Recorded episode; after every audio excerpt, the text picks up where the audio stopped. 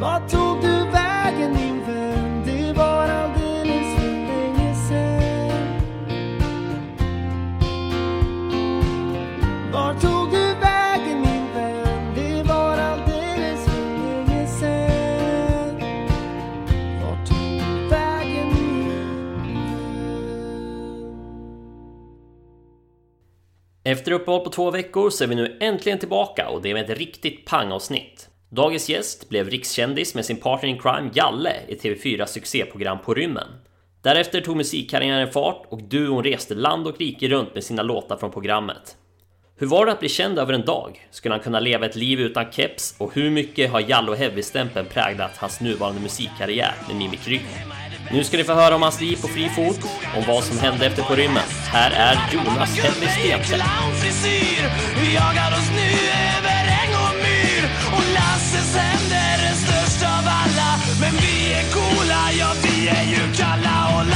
Hans armar är jättelånga Men mig och Evy kan han inte fånga Vi tittar hit, tittar dit, vi ser inte ett skit. Vi tittar upp, tittar ner, var är Lasse Kronér? Lasse går utan hår, han har inte ett spår Han jagar på sitt eget manér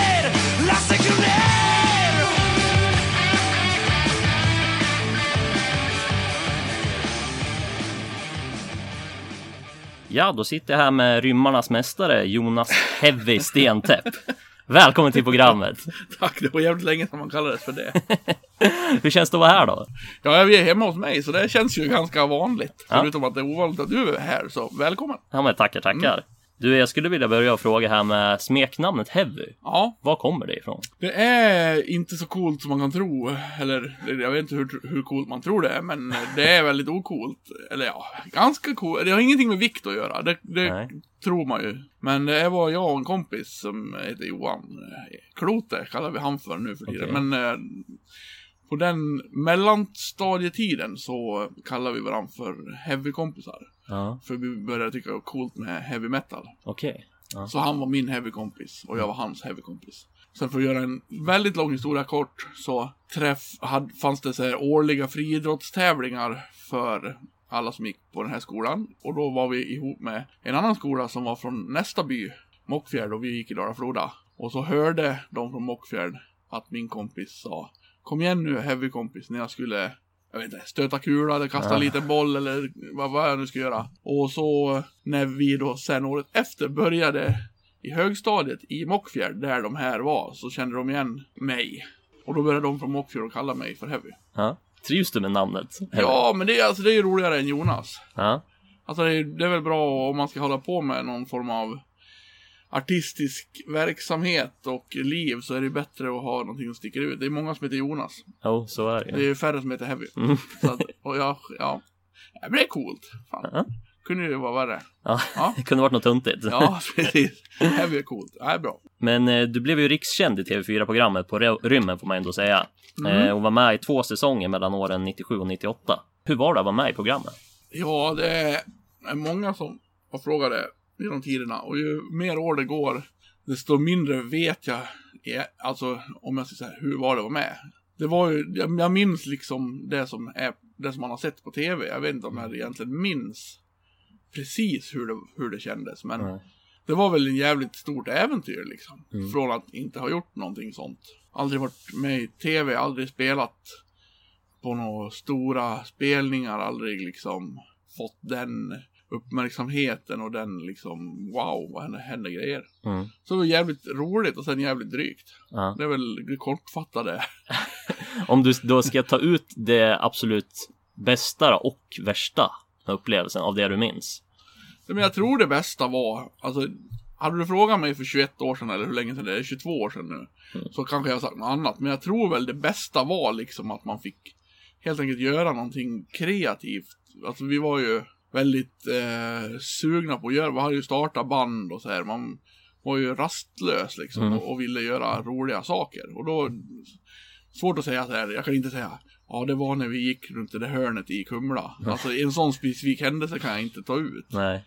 Utan det var väl att det var så jävla roligt och en helt ny värld liksom. Träffa massa så här glada mediamänniskor på Strix Television som bara, åh vad kul att ni är här. Alltså man kände ju sig uppskattad och fick göra saker och det hände någonting i livet. Liksom. Det, det var väl det bästa.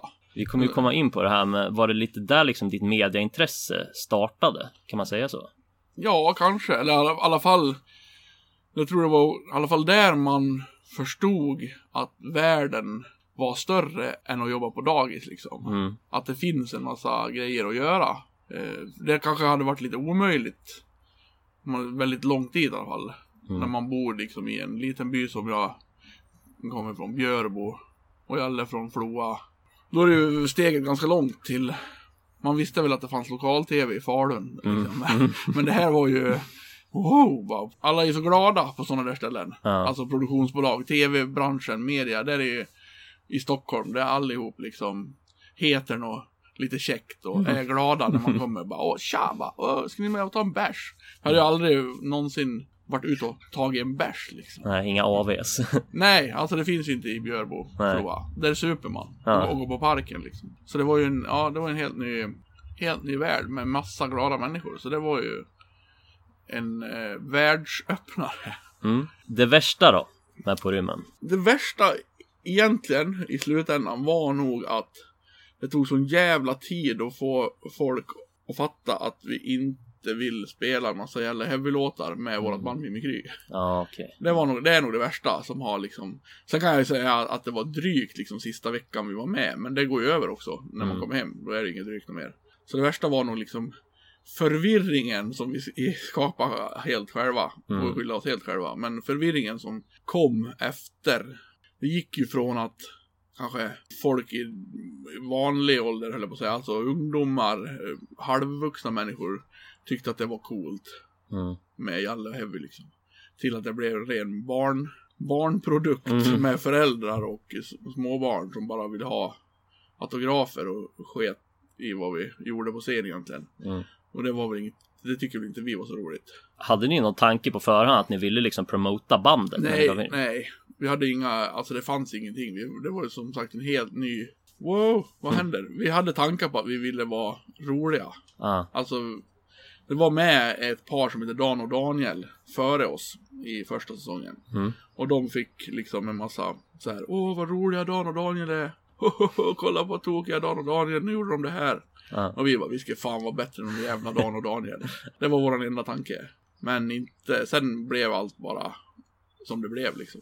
Ja. Hur gick annars ansökningsprocessen till? Nej, man fick skicka in eh, någon, någon film och sådär. Och sen eh, var det uttagning, eller castinghelg i Nyköping med någon militär. För det var ju väldigt eh, inriktat på att man skulle liksom klara sig psykiskt och fysiskt ute liksom i ingenting utan pengar. Ja, okej. Ja. Eh, tror- var liksom inriktningen lite då. Ja.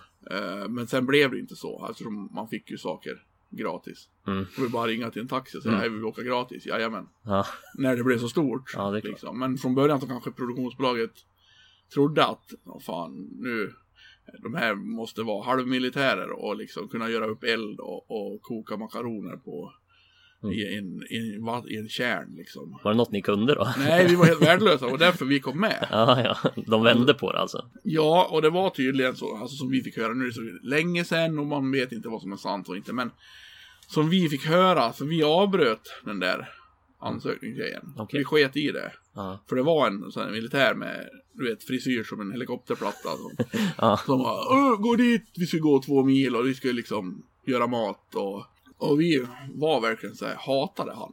Ja. Alltså vi är väl så långt ifrån militärer som man kan komma tror jag. Mm. Både åsiktsmässigt och fysiskt. Mm. Eh, så vi liksom bara, dra åt helvete din jävla gubbjävel. Liksom. Så Ja. åkte vi hem. Och sket i det. Vi tänkte, ja, vi fick inte vara med i det här. Ja. Sen ringde de och sa att de ville ha med oss. Och då hade det tydligen varit liksom bakom kulisserna. Folk sa, ni måste ta med dem där. Det kommer bli, det kommer bli så jävla roligt när de inte klarar sig. Ja. Ja, Jag vet, jag intervjuade Gurkan tidigare och han hade lite samma historia när han skulle vara med i Robinson. Då hade det också varit en sån här förstadie med militär eh, Ja. träning. Ja. Och sen tog de ändå med han som Ja. den här roliga figuren. Jo, det var väl det vi var. Ja. Men hur, hur var det liksom att bli känd då över en dag i stort sett? Ja, jag vet inte. kommer fan inte ihåg hur det kändes. Jag kan inte... Klart att det är märkligt när folk vill ha autografer, men å andra sidan så... Det var ju liksom i... Under tiden man var ute och gjorde det, då var ju allting konstigt. Var det liksom först efteråt kanske, efter in, inspelningstiden som man märkte av det här kändisskapet? Eller? Ja, men då ville vi ju ut och spela och gjorde man sånt, så då ville vi att folk skulle komma. Då hade ju varit... Och då var det ju heller inte konstigt. Så jag vet inte. Jag, jag, vet, jag vet att många som har gjort sådana grejer säger att oh, det var så himla konstigt att ena dagen var det så här, andra så där. Men nej, Nej. jag kommer inte ihåg att jag tyckte så. Nej. Allting var konstigt i fyra veckor liksom. Ja. När man var ute och det var konstigt att sjunga ABBA på Hud- Hudiksvalls stora torg. Det var konstigt att åka tåg gratis och, och, och det var konstigt att alltså vara i Stockholm. Allting var konstigt. Så det var jag, jag kan inte minnas här, oj, nu kommer den där och vill ha en autograf. Oj, vad Nej. konstigt att den känner igen mig. Utan allting var ju bara en stor... Mm. Du nämnde um, ABBA. Vad var det roligaste uppdraget då? Ja, jag vet inte om det var något roligt uppdrag. alltså, det var ju mest att man skulle göra. Visst- det var ganska hektiskt liksom. Så jag vet inte om, om det inte... Det var väl att spela dansband kanske. Ja. Det var ganska kul. Jag kommer ihåg vi tyckte det var kul att spela med striplers. Ja. Jag vet inte om jag hade tyckt att det... Vi var lite så starstruck då. Även fast vi inte lyssnade på dansband. Men vi tyckte det var väldigt stort att vi... Att striplers ställde upp. Det Ja. var ju ganska tidigt då. Första veckan tror jag. Ja. Då tyckte vi wow. Mm. Men de hade man ju hört talas om. ja, det är klart. Ja, vem har inte hört talas om striplers? Men du var inne på det här också. Det, det blev ju turné efter på rymmen. Eh, hur upplevde du hela den cirkusen som ändå blev med alla era låtar som ni släppte? Ja, men alltså vi tyckte väl det var roligt tror jag. Samtidigt som vi inte hade så mycket tid att tänka. Nej. Det var ju liksom bara att man i hela sitt liv har, sen man började spela i band, liksom, det hade vi gjort långt innan, Mm. eh, ville ha skivkontrakt om man ville turnera. Och då när en tokig skivbolagsgubbe från Hudiksvall säger vi ska fixa det här, vi ska fixa det här, då bara jajamän. Alltså man sa ja till allt. Liksom. Ja. Och det var väl, alltså det är mycket roligare nu att spela än vad det var då. Mm. Då var ju allting bara så här, nu ska vi göra det här. Sen vet jag inte om man njöt av det så mycket. Det var mer än så här, nu ska vi göra det här. Och konstatera att det här var bra. Ja, det var det. Men det var ju mest hektiskt och lite jobbigt liksom. Mm. Men upplever du att liksom kändisskapet förändrade dig på något sätt under den här tiden? Jag vet inte. Svårt att svara på. Var jävligt svårt. Det får någon annan, svara på. Ja. Det är ingen som har sagt någonting till dig i alla fall att de upplevde dig annorlunda den här tiden. Nej, det är det inte. Jag har en från Björbo en gång. Jag hänga ut han. Det var roligt tyckte jag. Det var, ett ställe utanför Björbo som heter Lindesnäs. Där Ja. det alltid var fest. Och så var väl jag där någon helg då. Efter det här tjosan hejsan liksom. Och jag vet inte om jag drack lite lite öl den gången jag var där eller inte. Men han sa i alla fall, fan du är ju aldrig Björbo full längre du. det fick man höra. Det har man fått kämpa på. Försök Och bygga upp den Ja. imagen För igen det, sen. för det vill man ju inte. och bli stor på sig vid den jävla Stockholmsfyllan. Nej, nej, nej. Nej, det är det enda jag har hört faktiskt. Jag vet inte. Att jag aldrig är Björbo full längre. Nej. Annars så, nej men vad fan, vi, vi var ju liksom, vi var ju ganska snabba och aktiva med att ta död på oss själva. Även om vi gjorde väl något, eh, några konstiga, något konstigt tv-program efter och sådär liksom. Men vi började väl tycka det var töntigt med det Heavy rätt fort. Ja. Och ville spela med Mimikry igen istället. Mm. Ja, det hade sin Och- tid liksom. Ja, säga. vi tyckte att nu slutar vi med det här. Men det kan man inte säga till folk. Det är Nej. inte så att de som visste vilka vi var bara, jaha, okej, nu slutar de med det. Då ska vi börja lyssna på Mimikry istället och aldrig mer nämna Jalle Heavy. Nej. Så går det inte att göra. Nej. Ehm, Goda bullar då, säger man. ja, precis. jag tänker ta en tugga jag med här. när ändå är Det här är riktiga bens bensinmaxbullar va? Ja, fancy, fancy. Ja men det är gott med bensinmaxbullar. Ja, men de är duktiga. Ja faktiskt. Mycket kanel. Om man kommer in på bensinmacken så är tidigt på morgonen när de är nybakta. Det är en doft av glädje det. Do- vi äter doften av glädje nu. Ja, ja.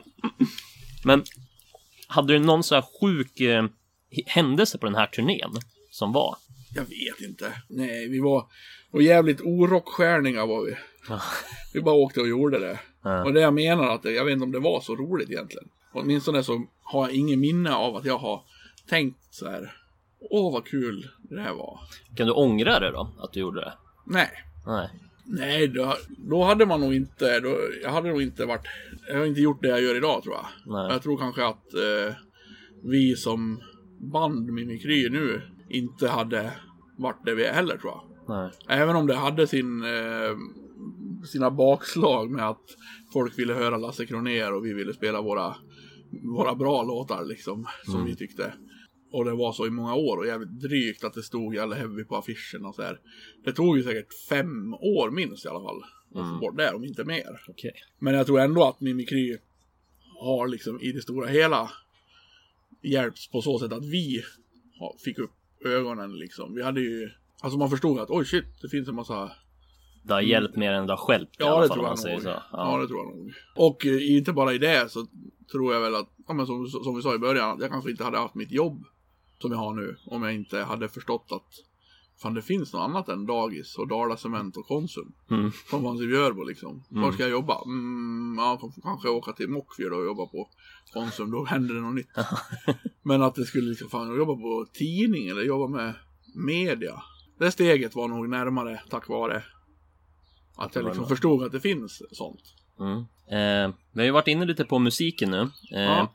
Jag tänkte därför att vi ska göra ett litet test. Oj, oj, oj. Eh, du ska helt enkelt få höra några av dina låtar. Mm. Men twisten är att du ska få höra dem genom Google Translate på norska. Ja, ja. Och så ska du få gissa vilken låt det är. Ja, eh, får jag någon hjälp av vilket band eh, Det är allihopa kan Det är jag säga. allihopa, Det kan okej. vara vad som helst här. Ja, jajamän. Då börjar vi med den första här. Fra mor, skittent undertøy og ganske utslitte sko. Vi vandrer rundt som tråkker inn kaldt og is, og vi skulle lykkes med å synge opera på en måte, men plutselig går hun forbi, og da står guttene i kø, men vi løper fort for livet fra by til by. Ja, men det där är ju en Jalle Heavy-låt, alltså från På rymmen. Fast jag köttbullar från mor, jag tror det är Sofie Propp. Det stämmer bra Ja. det. Men de låtarna som vi gjorde då, det var ju Gjorde, gjorde, det var ju en sån spontan grej att vi gjorde låtar. Eh, sen blev det ju ett måste då efter man hade gjort det några gånger. Ja, det är klart. Produktionsbolaget tyckte att ni måste ju fortsätta på det. Och vi tyckte väl också det, att, vi, att det var roligt liksom. Mm. Men eh, de är ju väldigt lika producerade. Ja, Det är inte, det är inte superstor variation, det är ungefär samma riff och lite med andra namn bara. Men, ja. men ja, ja Vi får se om det. dyker upp någon mer här. Ja, Nu tar vi nästa låt då. ja. Ta på en trekull og la dem trekke, her kommer jeg med franskmennene. Vær litt rask, henter grillbestikk og henter meg en bære. Ta grilla med ti dødkjøtt. bokser, du kjenner de gode Jag hörde grillbestick. Du missar det bästa de säger fransyska, det är franskemän eller något sånt där. Ja, ja.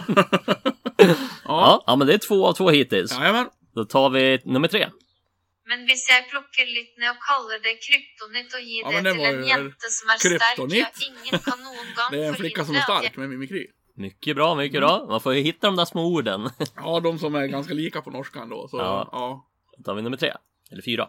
Bort er det bra, men hjemme er det best. Lasse Kronér. Vi koser oss her i skogen. Fan, det går snabbt alltså. Ja, det är är ja. Imponerande. Den sista då. ja. Hvis jeg drikker, ja, så vet jeg at jeg blir det en beruset mann som klamrer seg fast til deg, og hvis jeg svinger, 500 ja, så vet mimikry. jeg at jeg blir det Jajamän. en En liten cover där på slutet. Ja, ja.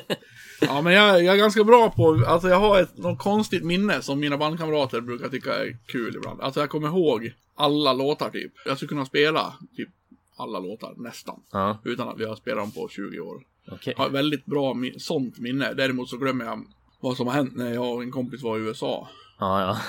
Om inte det finns på bild. Ja. Men jag kommer ihåg liksom såna här siffror och låtar och... Och det spelar ingen roll om det är norska heller, nej, uppenbarligen. Det, det Nej men det var, för, det var för lika svenska för att det skulle Jag skulle lura tagit danska istället. Då hade det varit svårare. Men du, eh, du reste ju runt här med Jalle. Eh, Mm. När uppstod er vänskap? Eh, alla känner väl alla lite i, i liksom Floa, Björbo, Mockfjärd. Från, Eftersom det inte är så jättestora ställen. Men eh, framförallt på gymnasiet då. Då bodde vi liksom samma på Tjärna Ängar, det beryktade området i Borlänge. På vilket sätt är det beryktat? Ja, men det, det, är, det är det ju. Alltså det var väl så här problemområde liksom. Mm. Eh, men hur har er eh, vänskap förändrats genom åren då? Nej, inget alls tror jag. Nej. Han är väl mindre vill, han skulle nog inte vilja vara med på det här. Nej, okej. Hade du ringt han så hade du nog inte suttit på en veranda i Borlänge. Nej. Han, har, han är väl lite, jag är väl lite mer såhär, äh, yes man. Jag tycker det är lite kul att göra saker ja. testar hellre och gör liksom en sak och sen blir det lite... Sen Får kanske gå jag, som det går kanske. Ja, får det gå lite som det går och sen kanske jag skäms lite men, men det spelar inte så stor roll och han är kanske lite mer... Han, inte, han har inget behov av att vara med här Ja. liksom. Han vill göra... Han är en bättre människa än vad jag är. Han, han vill göra bra saker liksom. Han, han brinner för att göra bra musik med mimikry. Det, och sen sitta på en veranda och bli intervjuad, det kanske inte han tycker är så kul. Nej. Men det, så var han kanske det. Vi var väl, ingen visste väl någonting om, om sig själva nästan då. Då gjorde vi ju allt som alla sa till oss. Så det är väl bara att båda har blivit lite mer fatta vad som händer. och vi kan, vi kan, vi vet ungefär vad vi vill. Ja. Yes. Men ni är ju båda medlemmar i bandet Mimikry. Ja. Eh, hur bildades bandet? Men det var då på eh, Tjärna Ängar i gymnasiet. Mm. Att vi ville ha ett, ett punkband helt enkelt. Ja. Man lyssnar på sådana punkband då. Vi pratade innan vi slog på mikrofonen om Köping, att du är från Köping. Ja, och där fanns ju Birdnest Records med Karta 77 och DLK och Dia Salma och allt det där. Och det var ju liksom, det var ju det vi tyckte var coolt. Mm. Och den typ av musik ni lyssnade på? Ja, precis. Åkte på festival Bergslagsrocken och Rai Rai i Köping och så här. Och, Mm. och så ville vi ju såklart också ha ett punkband. Men eh, namnet Mimikry, var, var kom det ifrån? Jag hittade en biologi, biologibok. Okej. Det är ett biologiskt ord för skyddande likhet. Aha, okej. blommor och djur och så här som eh, vi har sagt det så många gånger så jag känner att jag upprepar mig själv så jag hatar mig lite då. Men, men eh, det är liksom om, om en art antar utseendet av en annan art för att verka giftigare, farligare, osynligare eller någonting så, Ah, okej. så är man mimikry. Mm. Yes. Och kommer också, så därför har vi lite problem på Instagram och sånt för det är massa tyska mimikgrupper Ja. som använder mycket, använder sig mycket av ordet mimikry. Ah, Till en zebra står mot en zebra eh, tapetserad vägg. ah, ja, mm. Då är det liksom en, då kan det vara taggat mimikry liksom. okej. Du vet sådana här som, Ödlor och... som ja, klättrar, Ja, alltså sådana här artister på gatan som låtsas att de står bakom en vägg. ja. ja. Mm. Mimik, ja, så det kommer från det liksom att man Mm. låtsas. Ni har inte blivit felbokade i alla fall. Att de tror att det är mimare som kommer. Nu kommer tyska mimare nu. Ja, nej då, vi har inte råkat ut för en sån Nickeborg, Nickborgen. Men eh, dödkött då? Ja. Det namnet då? Vad- Ja, jag har aldrig... Nu har jag bulle i mun, men det, ni hör vad jag säger ändå. Alltså, vi har faktiskt suttit en gång och tänkt så här. Vem kom på namnet och hur? Mm. Och ingen minns det. Okej. Så jag har ingen aning Nej. på riktigt. Det Nej, det, det är ett speciellt namn. Ja. Alltså. Det- Det är väl lite mer, lite mer skitsamma band också än Mimikry. Ja, vad, vilket är roligast att spela med? Men jag tycker båda, men det, jag vet inte vad jag hade tyckt om Dödkött hade gjort lika mycket som Mimikry. Nej, Det är nej. Mimikry som är aktiva på Mm. riktigt liksom. Det är ju det vi nästan har som ett, inte företag, för det tjänar vi alldeles för dåligt med pengar för, men alltså har lite som en, med alla driftiga i bandet och vill framåt och utvecklas hit och dit. Dödkött är ju lite mer att, åh, nu kom jag på en rolig låt.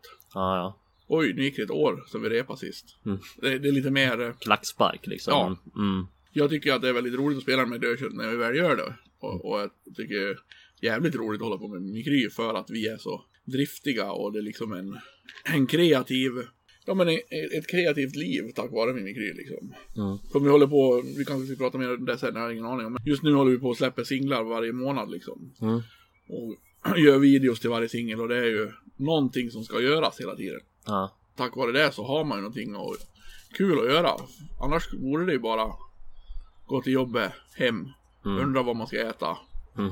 Leka med sitt barn, Mm. gå till jobbet. Nu har man ju alltid det här ja, Drivet, liksom. Ja, men Mm. drivet och fan den, oj nu har jag skickat en ny låt. Klicka på telefon liksom, vad tror du om det här? Då börjar man, oj oj oj vad kul. Mm. Eller hur ska vi göra nästa video? Så blir det drygt ibland, det blir stressigt. Men det är ju någonting. Har ni några liksom utsatta mål som ni vill nå? Är bara högre och högre. Ja, Om vi, om vi har 130 000 lyssnare, vilket vi har nu på Spotify, då vill vi ha 230 liksom. Ja. Eh, när kom annars musikintresset för dig? Högstadiet, när någon visade en synt som man kunde spela in sin egen, alltså valfria ljud på och få till toner. Ja. Att man kunde trycka på en knapp och säga bö. Och sen tryckte man på knapparna bö, bö, bö, bö, Ja, bö, ja. Jag tyckte det var väldigt coolt. Mm. Och sen eh, tog jag några keyboardlektioner. och började med ett lokalt hårdrocksband som startade. Jag vet inte fan vad vi var. Lekband. Ja. Eh, och sen var det väl inte så länge tills att vi började med dödkött och mimikry. Är det samma personer liksom? Nej, Men- inte, inte hårdrockarna. Det var andra. Minns du annars den första platta du köpte? ja. Flick of the Switch med AC/DC på Åhléns i Falun. Mm. Har du kvar den? Ja, den står nog i backen nere. Ja. Jag har inte kastat någon LP tror jag. Nej, det har jag inte gjort. Nej. Eh, har du annars någon speciell låt som du liksom förknippar med din ungdom? Ja, alltså om man ska ta frå, från noll till... Då är den första är ju Köppebevisan. Okej. Är ju väldigt... eh, Kopparberg. Mm.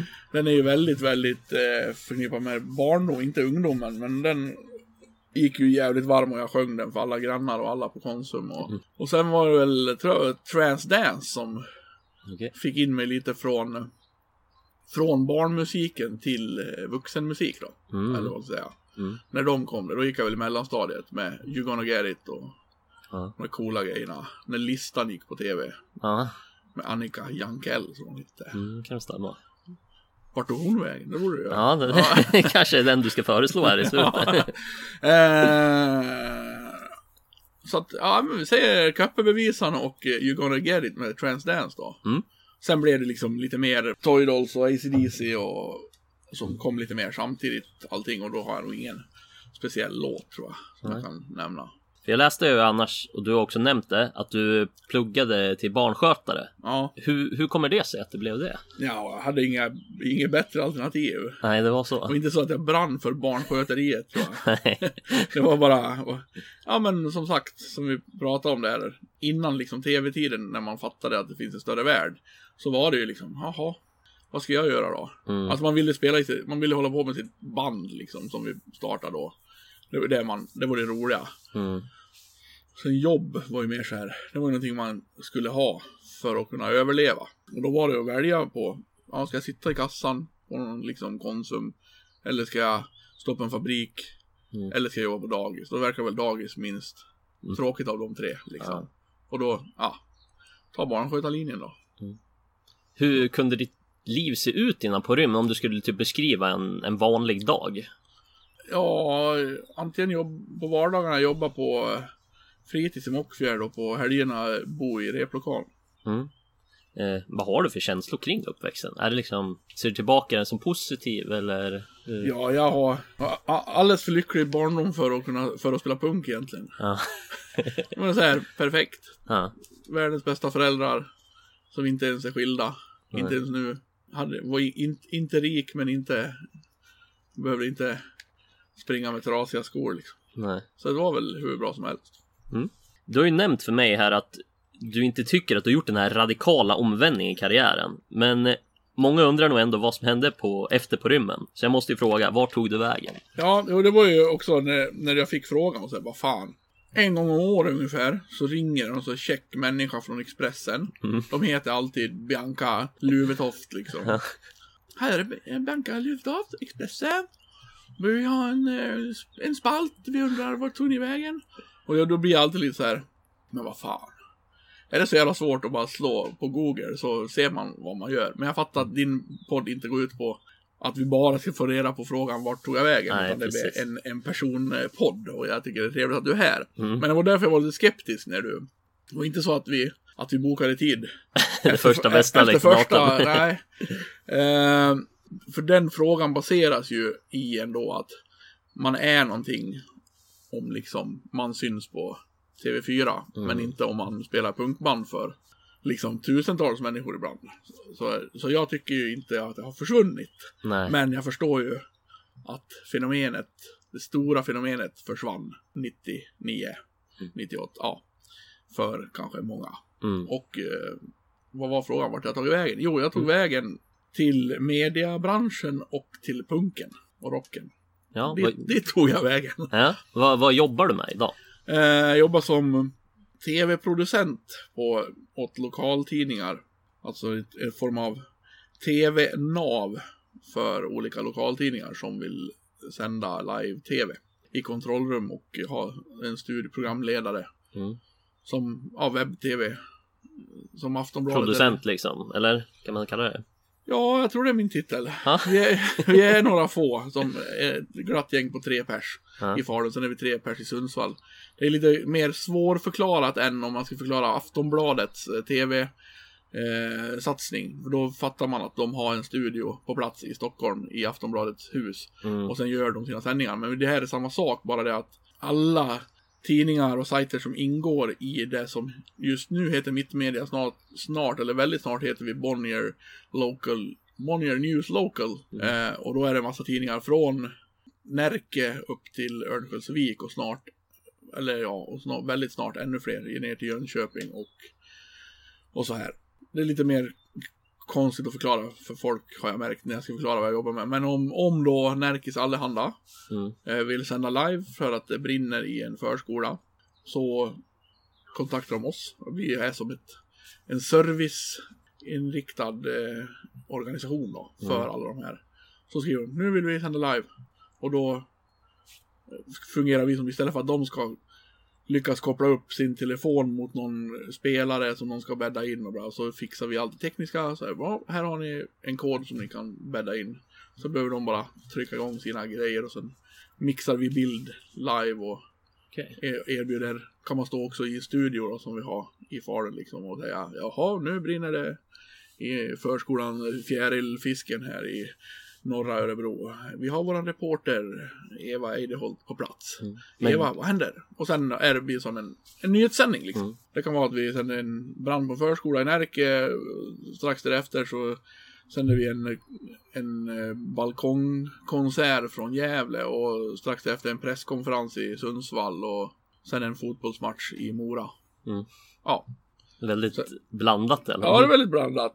Absolut. Och väldigt blandad eh, strömning av hur mycket det är att göra också. Mm. Vissa dagar är det ju liksom brinner det i många förskolor och i många presskonferenser och vissa dagar så händer det inte ett skit liksom. Så vi är beroende av så varierande jobb och mycket knappar att trycka på. Ja.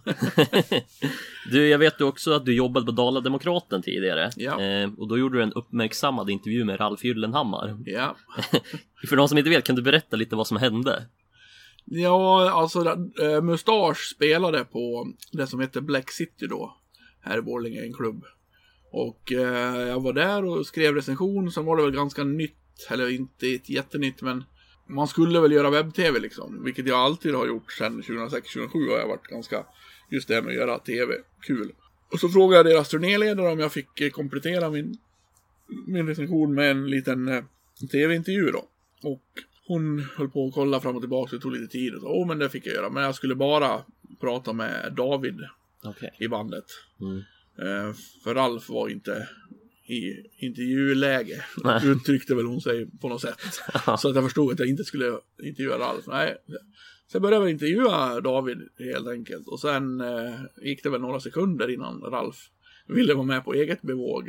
Och Mm. var väl inte så trevlig. Nej, precis. Så han, eh, han sa att han skulle slå mig på käften och, och sa att jag skulle gå ut och, och sådär. Så, så det var lite chockartat Mm. just då. Jag ihåg, jag gick ut ur logen och bara tänkte oj, Mm. vad hände där liksom? Vet vet du vad jag tycker? Nej. Jag tycker att din eh, intervjuteknik är helt usel. Ingen videokamera, ingenting. En jävla Apple. Ja, Om två sekunder slår jag på käften. det är inget bra. Nej. Nej. Jag ska säga, jag ska säga som, jag, eh, som jag tycker. Mm, det gör du rätt i. Ut! Ut! Nu! Och sen frågade jag ansvarig utgivare då, Lennart, som han hette på den tiden. Eller han heter fortfarande Lennart, men han är inte ansvarig utgivare för DD. Eh, eh, och, och jag tror jag väntade i alla fall fyra, fem dagar så här. Så jag bara, fan, jag har det här klippet liksom. Det är ganska eh, anmärkningsvärt. Så här, ska vi lägga ut det eller? Jo, men det skulle vi göra tyckte hon. Eller han frågade liksom, "Ja, men gjorde, gjorde du något, någonting som som var fel. Alltså trängde du dig på en? Ja, Jag, och jag hade ju verkligen gjort allting rätt. Ja. Jag hade inte druckit någon öl, jag hade frågat turnéledaren snällt och eller liksom. Så det var ju, jag hade mitt på det torra liksom. Mm. Och så la vi ut det och sen blev det ju stort då. Ja, Så. med clickbait. Ja, Aftonbladet ringde och fick väl till någon sån här fin rubrik. Rockstjärna hotar tv-kändis. Ja, Så- så. Men sen ringde ju Ralf då. Ja, ja, hur är er relation Ja, vi, idag? har, vi har ingen relation, men vi har heller ingen eh, dålig relation. Nej, Vi har inte pratat med varandra sen vi gjorde en uppföljningsintervju som såklart inte blev, lika stor? nej. För då var det ingen som var arg och då blir det inte lika klickat. Nej. Eh, nej, men han var väl rolig som fan. Han ringde när jag var och handlade på Coop. Och bara undrade, fan, vad är det som har hänt liksom? Ja. Och jag sa väl, ja, det här hände. Hur lång tid var det här efter? Ja, men det var när Aftonbladet hade Ja. gjort sin artikel liksom. Och de, för de hade ju ringt upp han såklart. Mm. sa han väl förlåt och, och liksom att jag skulle ha cred för att jag inte för Aftonbladet ville ju säga, känner du dig rädd? Var han hotfull? Vad vill du göra med Ralf? Vill du be honom åt helvete? Ja, Jag var nej det är lugnt liksom. Det var bara så här. Så jag, han sa, du ska, du ska ha en eloge för att du för att du inte överdrev. Nej, nej, du ska ha en egen loge. Så han du fick en Göteborgsvits där. Och sen när, han, när de kom hit nästa gång så ringde han på vägen upp och bara Tjena! Herr Alf! Han är inte så bra på att härma göteborgska. Men då hade han fixat att jag skulle ha en egen plats i deras loge. Ja, ja. Och så gjorde vi uppföljargrejen då. Ja, Så jag hade en vinflaska och en bild på mig i deras loge. ja okej. Men sen dess har vi nog inte... Eh, Jo, någon gång på Sweden Rock har jag sprungit på honom och sagt hej liksom. Är det här annars den intervju du gjort som du känner sticker ut mest av allt? Eller har du något annat exempel på någon udda intervju du gjort? Det var väl en till sån där eh, som blev stor. Alltså vi, jag var ganska tidig med webb-tv. Och Dala-Demokraten är inte en jättestor tidning om man jämför med andra. Men så ändå så var vi, alltså jag tror fasen att vi kan ha varit först i landet när det gäller lokaltidning. Aftonbladet och så här var väl före såklart. Men vi, vi var jag och en, en kollega då som byggde upp ett tv-innehåll. Alltså gjorde webb-tv helt enkelt med en egen spelare som var fan ganska avancerad, nästan som en YouTube-kanal liksom. Eh, och då ett av de absolut första klippen som jag la upp, som också är ganska stort på YouTube än idag, är när jag intervjuar Darins fans Ja, ja. efter en spelning på Lugnet i Falun. ja. Och då var det ju väldigt hysteriska fans som grät och så här. Och, och det blev ju så här tokfart. Så det sänkte ju DDs server där när jag la ut det. Det liksom bara kurvan spikrat upp och sen slutade allting funka. Jag höll honom i handen! Jag höll honom i handen Höll du honom i handen? två gånger så hade jag ögonkontakt! Jag hade faktiskt inte koll på att du hade gjort den eh, Ja, intervjun. det, det, den har jag gjort. Ja. ja, jag vet vilka du pratar om. Ja. Så det är väl också en sån där grej som De har skrivit någon krönika som också har dragit iväg som fan och gjort någon recension som har spridits ganska fint liksom. En krönika om eh, idioter som envisas med att säga en ordet för chokladboll. Ja. Och den där krönikan drog väl iväg som fan liksom. Mm. Och vi sågade väl något band, Rövallebandet och Pökers. Mm. Och de har också dragit iväg. Så, ja, så här glada minnen från min tid på DD. Mm. Absolut. Eh, vad är annars det bästa med ditt yrke? Ja, men jag har jävligt eh, trevliga kollegor. Vi är så få, så det är viktigt. Och sen variationen. Det är väldigt roligt att få, att få vara med liksom. Och se det som händer i Örnsköldsvik. Och, alltså, det, här, det är ju liksom nyheter. Det är ju något nytt hela tiden. Mm. Och sen tycker jag att eh, själva eh, formen live är väldigt bra. Och kul att jobba med. Jag tycker det är mycket roligare än att åka iväg och sen ska man hem och fixa. Skriva en lång text eller redigera video. Alltså är det live så är det live. Mm. Då är det klart. Sen kan det gå åt skogen och då kan man inte rädda det på samma sätt som om man redigerar efteråt. Men det är det som är tjusningen också. Hur är det annars att vara artist, producent och pappa? Känner du att du hinner med allting? Det, man, det finns ju mycket tid ändå. Alltså jobba gör man ju bara åtta timmar per dag. Och sen är man ju ledig vissa dagar också. Så att eh, det är väl istället för att spela innebandy eller badminton. Det hinner ju folk med. Så har väl vi band liksom. Och det är inte så att man repar varje dag eller. Utan det är en dag i veckan försöker vi repa. Så det är inte jättemycket tid. Det är väl när vissa perioder när vi åker ut och Turnéer liksom? och spelar liksom. Då blir det väl ganska mycket. Men då var ju tänkt den här våren att vi skulle spela jättemycket. Och då hade vi ju tagit ut ledighet. Ja men om vi skulle spela fredag, lördag, då tog jag ut ledighet onsdag, torsdag. Mm, okej. För att kunna hänga i lekparken med skruttan liksom. Och vara hemma och laga mat och ha familjemys. Så att, eh, nej det är inte så, det är inte så det, farligt. det, kanske, det, jag kanske gör mer än vad, eh, eh, random Svensson gör liksom. Men jag skulle ju nog bli alldeles för rastlös om jag inte gjorde det. Så att det, är- det, är inget, det är inget drygt liksom. Nej. kul. Jag vet ju också att du har andra fritidsintressen som till exempel folkrace. Eh, kan du pitcha folkrace för den okunnige? Ja, det är världens roligaste motorsport. Istället för att kolla på Formel 1 där, där alla kör runt, runt, runt i och det händer inte jättemycket. Nu var jag jävligt eh, fascinerad av eh, Formel 1-dokumentären eh, Drive to Survive på Netflix. Alltså. Okej. Så eh, då var fa- faktiskt Formel 1 roligare än vad jag har tyckt förut. Men eh, folkrace är ju liksom en motorsport där det händer saker hela tiden. Och det är liksom en, ett nytt race efter tre minuter. Så är det ett race tråkigt så kommer det ett nytt snart. Och det voltas och det krockas och det är liksom... Eh, och det är väldigt roligt att, att kolla på. Plus att det är jävligt avslappnat och härligt att vara i, i depån. Eller bo med husvagn i depån. Det är som ett kombinerat eh, campingliv där alla har samma intresse. Och sen kombinerat med action. Mm. Som är väldigt... Eh, ja, det är en jävligt trevlig miljö det. Hur, la- hur talangfull är du då inom sporten? Ja, alltså jag är ju inte... Jag är inte kass, skulle jag inte säga. Men jag är ju inte heller den som är i toppen. Nej. Så jag ligger väl där och skvalpar som någon medelmåtta liksom. blir det, av sex bilar så blir jag oftast trea eller fyra. Ja. Men känner, finns det liksom ett driv ändå att försöka vinna eller gör du det bara på skoj? Nej, det är bara på skoj. Och nu har jag, eh, på tal om, för det här, här har jag lyckats hitta eh, vägen mellan mitt jobb och intresse för TV med mitt intresse för folkrace. Så det är ju en till sån här grej, för som jag sa, att jag har aldrig varit nöjd med att bara låta saker är som det är, utan jag vill ju komma på nya saker och testa. Så det här har ju i fem, fan kanske sex års tid har jag drivit på att sända folkrace live. Eftersom det är en väldigt eh, icke uppmärksammad sport i media. Så vi började ju sända tävlingar live och sen har vi byggt upp det här. Eller jag kan jag nästan säga. Och sen har det klart folk som är med och hjälper till lite grann. Men, och slagits mot sportchefer och eh, allt möjligt på liksom tidningen och sagt att vi ska vi testar det här och, och visa. Kolla, folk vill se ju. Så det har gått jävligt bra. Vi har mycket tittare. Okej. Så jag åker runt och, och liksom filmar tävlingar. Det är mest det jag gör inom folkrace nu. Så jag kör ju inte så mycket alls. Så drivet är väl att liksom få våra, våran satsning på, på livesändningar så jävla bra som möjligt.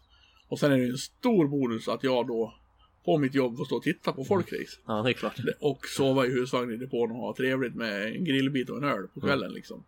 Så det är ju, jag har hittat en väldigt bra kombination. Och då slipper man också vara, krångla med bilar, man slipper vara nervös. Man är liksom bara med i gemenskapen och folk uppskattar det och blir glada. Och jag får göra roliga, ett roligt jobb. Eh, jag såg också i en intervju att du har sex katter. Stämmer det fortfarande eller? Nej, nu är de fy- fyra fast eh, en har flyttat. Okej. Så två, sen, du, sen den intervjun så har två dött och en flyttat. Ja. Så nu är det väl tre då. Vad är det som är så bra med katter då?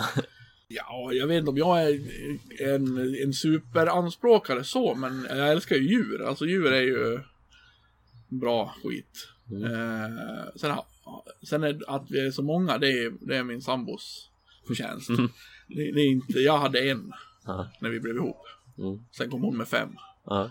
Så att det är mer eh, att, ja, vad, vad ska man göra? Hon hade fem katter, då, då har vi sex. Mm. Eh, man, det är inte så att man dö, dödar eller slänger ut en katt.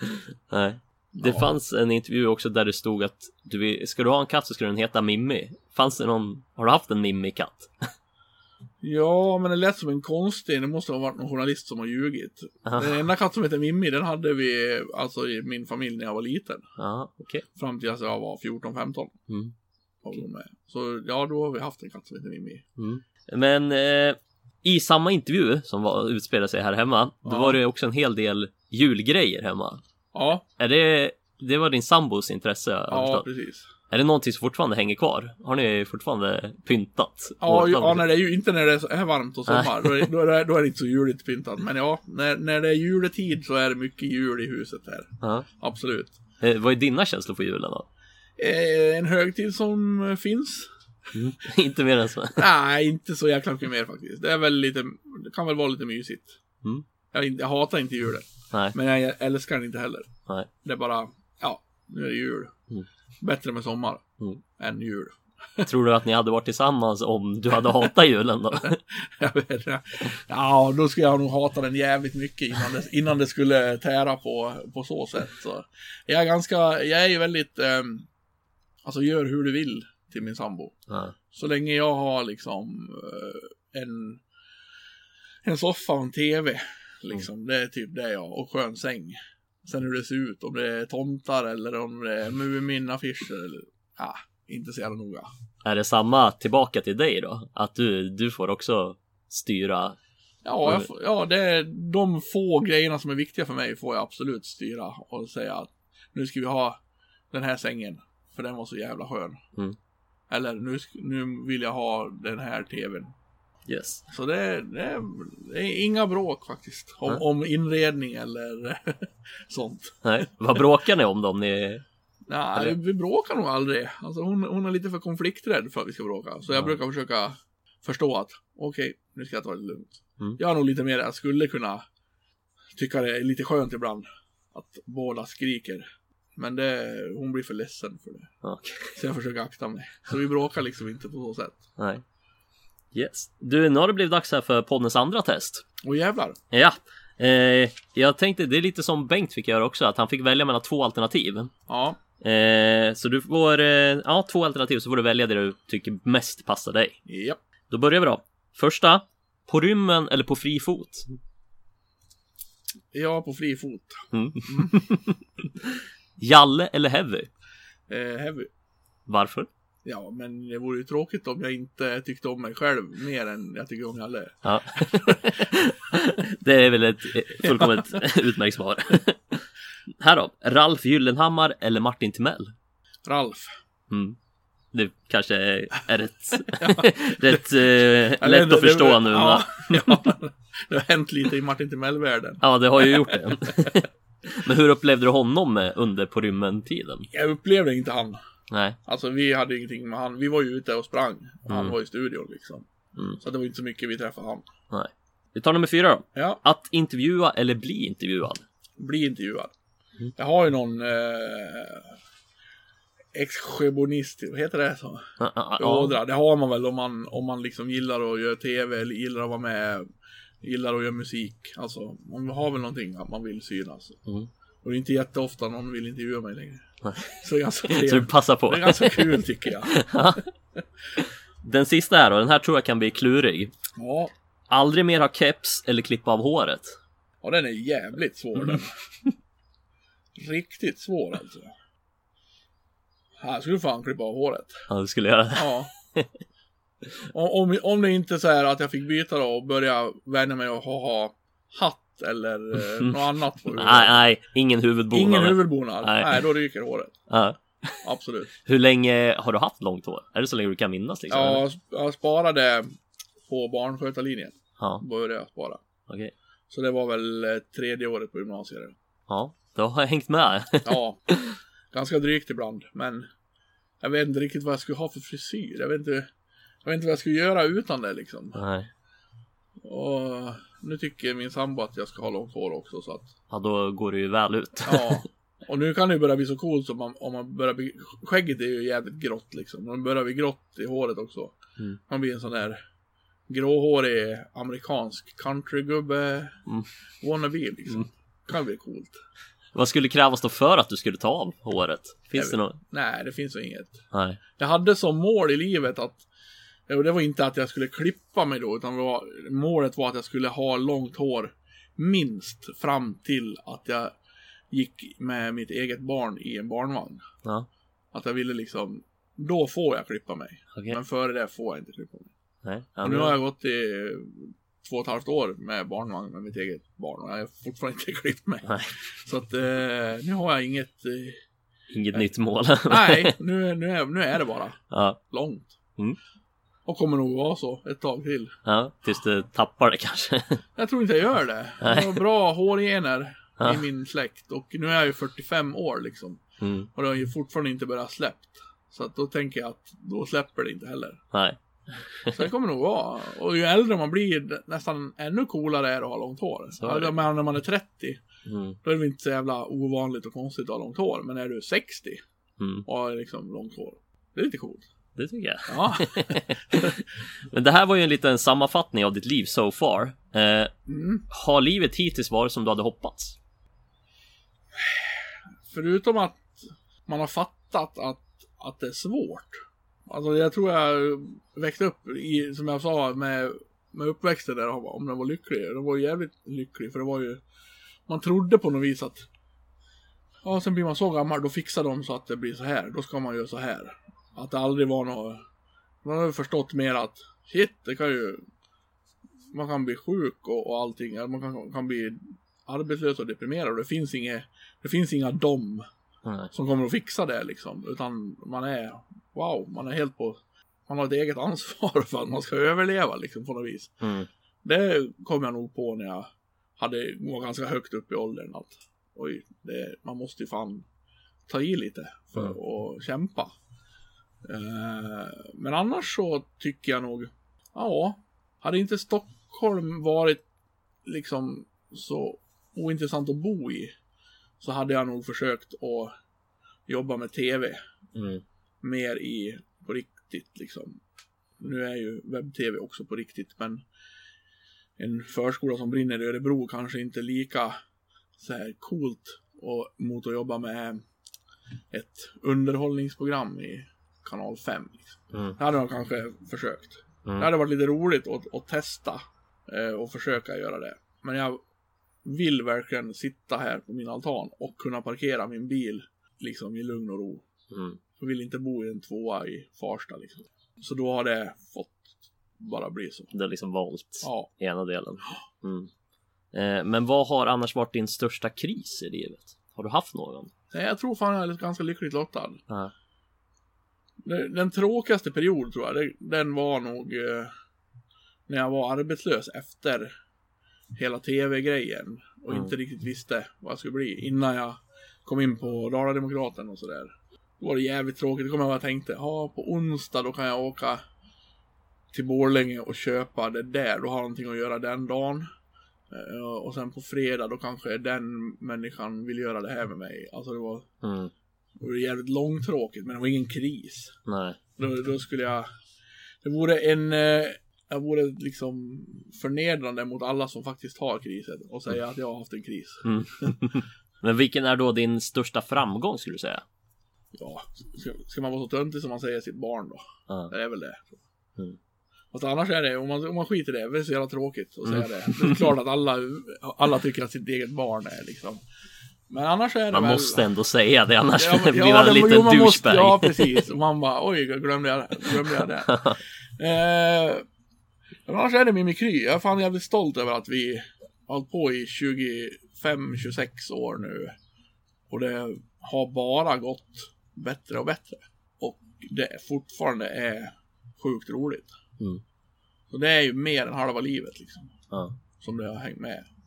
Så det är ju största grejen då. Mm. Förutom barnet. Ja, precis. Förutom.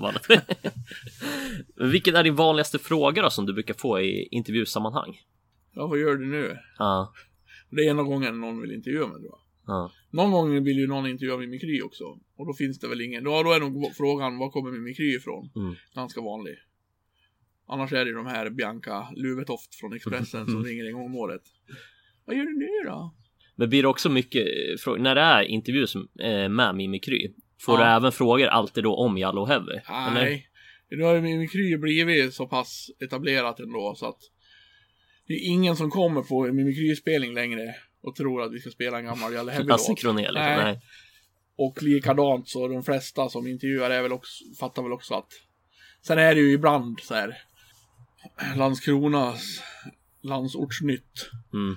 Jaha, är det Jalle Heavys band det här? Ja. Någon, någon eh, liksom farbror på 59 som har fått order från någon eh, nyhetschef att kan du göra en notis på att de här ska spela? Mm.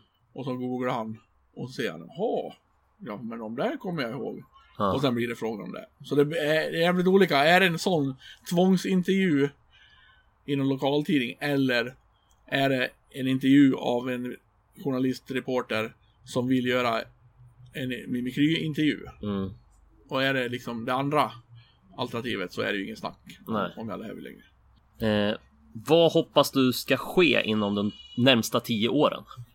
Eh, ja, vad fan ska ske då? Alltså, jag sa en gång till mina kamrater att fan om man kunde stanna tiden och bara att det är så här som, som det är nu jämt. Då, då vore det värt att ha det så här.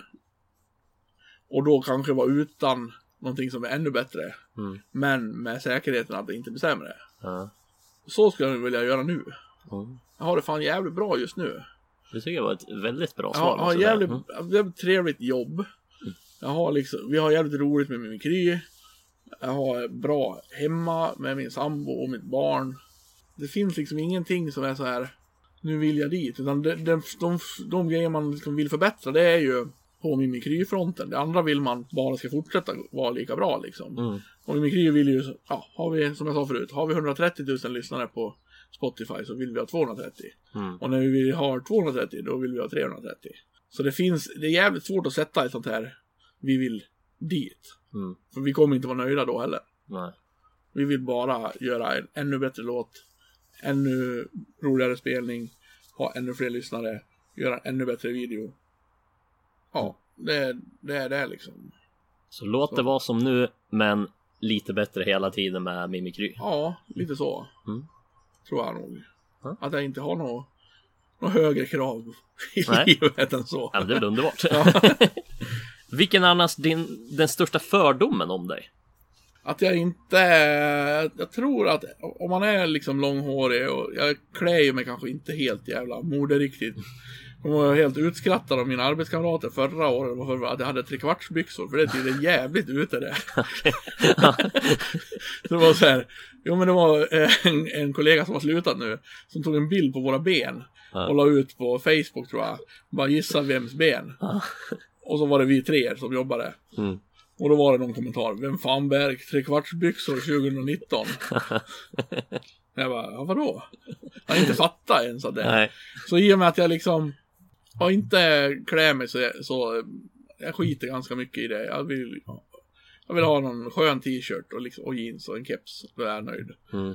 Och sen liksom att man har det lite ryktet. De som inte, om, om någon träffar mig som, in, som vet vem, vad jag har gjort förut, alltså i TV4 för 20 år sedan, Mm. och inte känner mig, då tror de nog att, ingen som har sagt det, men jag tycker det kanske märks ibland, att de tror, jag är faktiskt smartare än vad folk tror. Mm. Alltså mer driftig och, och kan saker och liksom, Mm. eh, jag tror att kanske lite bilden är att jag är en liten, en, en, hur du, hur du, hur du, osmart. Jag tror det kan komma med just var du är uppväxt ifrån också. Att Ja, liten att man är från en by, man, man liksom. pratar ju som en lustig eh, Hurde, hurde, hurde, dal, gubbe, långt hår, skägg, ja, keps. Och, och det man är känd för, för folk som inte har hängt med i Mimikry, liksom, och, utan bara såg på TV i slutet på 90-talet, var, var liksom bilden att man var ja, men en bonnig, långhårig hårdrockare som fes i TV och, och gillar hamburgare liksom. Ja. Och då blir det väl lite Man kanske tror att jag är liksom lite som en raggargubbe Mm. liksom Att jag är inte alls raggare Jag ska inte säga att man hatar människor men jag tycker inte om raggare så mycket Det är skitdrygt när de är, fulla och sitter och skriker i en bil liksom. Ja. Och folkrace är definitivt inte samma som raggare Nej, Den fördomen är ju det är kanske mot den största fördomen. Ja. Att folk tror såhär, ja, ja gamla bilar åker runt och kraschar. Det är samma sak som att hänga ut röven i en Impala och dricka öl. Nej, det är inte. Sen finns det nog folk som gillar både och. Men... Ja. Och så någon sa, Eddie Meduza var jävligt bra. Inte hans fel att de som lyssnar på han är idioter. Nej, så kan man ju säga det. Jag gillar ju liksom mycket av det som raggarna gillar fast jag, jag skulle aldrig hänga ut röven. Inte det här, äh, vad ska man säga, ja, skita ner sig nej, grejen. Nej. nej. Inte det där liksom sydstats Mm. flagga supandet, hänga röven, bara skrika för att skrika. Mm. Nej, precis. Eh, till sist, eh, vem undrar du var den har tagit vägen? Mycket bra fråga. Det börjar jag klura lite på i, i liksom ena delen av hjärnan redan i mitten av den här in, intervjun. För när du nämnde, då nämnde du något att, så att, så att jag förstod att den här frågan kommer att komma. Jag har egentligen ingen jag så här, åh kan du inte eh, ta reda på var den tog vägen? Jag har ju nog ingen eh, så, jag har inget bra svar på det här. Nej. Man skulle kunna enkelt ta någon, som man kollade mycket på såpoperor så är det ett enkelt val, så här klimax i Tre Kronor liksom. Om man tänker tillbaks. Nu har jag suttit och googlat lite här. Så jag vet ungefär vad klimax från Tre Kronor gör nu. Men eh, han kan du ta om du vill. Men sen tänkte jag Kenneth Eriksson. Kenneth Eriksson. Får du förklara mer? Exakt. jag tänkte att jag lyfter fram motorsporten lite. Mm. Kenneth Eriksson bor inte så långt härifrån, tror jag. Eller jag vet inte riktigt vad han gör nu. En rallyförare som var Sveriges hopp i rally-VM på 90-talet. Körde Subaru och coolt ihop med Colin McRae. Kanske du har hört talas om. Han är lite kändare. Han har till och med ett tv-spel. Finns inget tv-spel som heter Kenneth Eriksson tyvärr. Men... Så han var en framgångsrik rallyförare. Ja. Det kan absolut vara intressant. Ja, Ja. Jag vet inte. Han är, bor förmodligen i Äppelbo och, och är gubbe liksom. Skulle Ja. jag tro. Ja, jag får göra en Google research får vi se om jag hittar på Så någonting. får vi se vad han, vad han gör. Ja. Eh, du, det här var det hela. Ja, Eh, stort tack Evy för att du ville vara med i podden. stort tack för att du kom hit och tack för bullen. Ja, tack själv. du, har du några avslutande visdomsord du vill dela med dig av? Nej, det, det tror jag blir för pretentiöst. Mm. Vad kan vi få veta mer om Mimikry längre fram nu? Vad, vad händer? Ehm, nej men vi fortsätter ju nu hela 2020. Jag vet inte, det här avsnittet av podden, det lär väl komma ut före 2021 i alla fall. Det gör det. Så att varje första fredag i varje månad så släpper vi en ny singel. Mm. Och sen kommer en tillhörande video till det och så släpper vi också vinylsingel. Med samma, där det finns en exklusiv B-sida. Så det är 24 låtar och 12 videos. På ett år då. Så det händer grejer hela tiden. Mm. Inställda spelningar såklart. Tyvärr. Annars hade vi gjort en massa sådana också. Är de flyttade till 2021 eller? Ja, åh, nej, inte 2021 än. Några är ju flyttade till höst. Mm. Några är bara inställda. Vi skulle ha gjort vår st stora turnévår det här. Med 10-12 spelningar nästan varje helg liksom. Som funkar rent barnmässigt. Men allting blev inställt då. Vi hann med tre. Eller fyra tror jag. Stockholm, Göteborg, Uppsala, Örebro hann vi med. Och sen började allt ställas in. Men eh, eftersom vi har det här satsningen med en singel i månaden så har vi fullt upp ändå. Och det händer saker hela tiden. Så det blir väl mina visdomsord då. Ja, Vet ni inte vad jag gör nu för tiden och undrar så eh, kolla in Mimikry på Spotify. Och lyssna på den. Ja, Nej men exakt. det är väl bara att hålla utkik då. Ja. ord. Yes. Du, då säger vi tack till lyssnarna och hej då! Hej då! Och där avslutades Vart tog det vägen poddens tionde avsnitt. Introt det gjorde Måns Brorsson. Jag som ligger bakom podden heter Jonathan Ståhl och min gäst denna vecka var Jonas Heavy Stentäpp. Vill ni komma i kontakt med podden så gör ni det enklast på Vart tog du vägen på Instagram. Nu avrundar vi programmet till tonerna av Mimikrys senaste singel Helt okej som ligger ute på Spotify där ni för övrigt även hittar denna podd. Jag hoppas vi hörs snart igen. Bye bye bye! Det finns ingenting så tydligt i ett annars stilla brus. Du är magnetisk i din ensamhet, en stjärna utan ljus.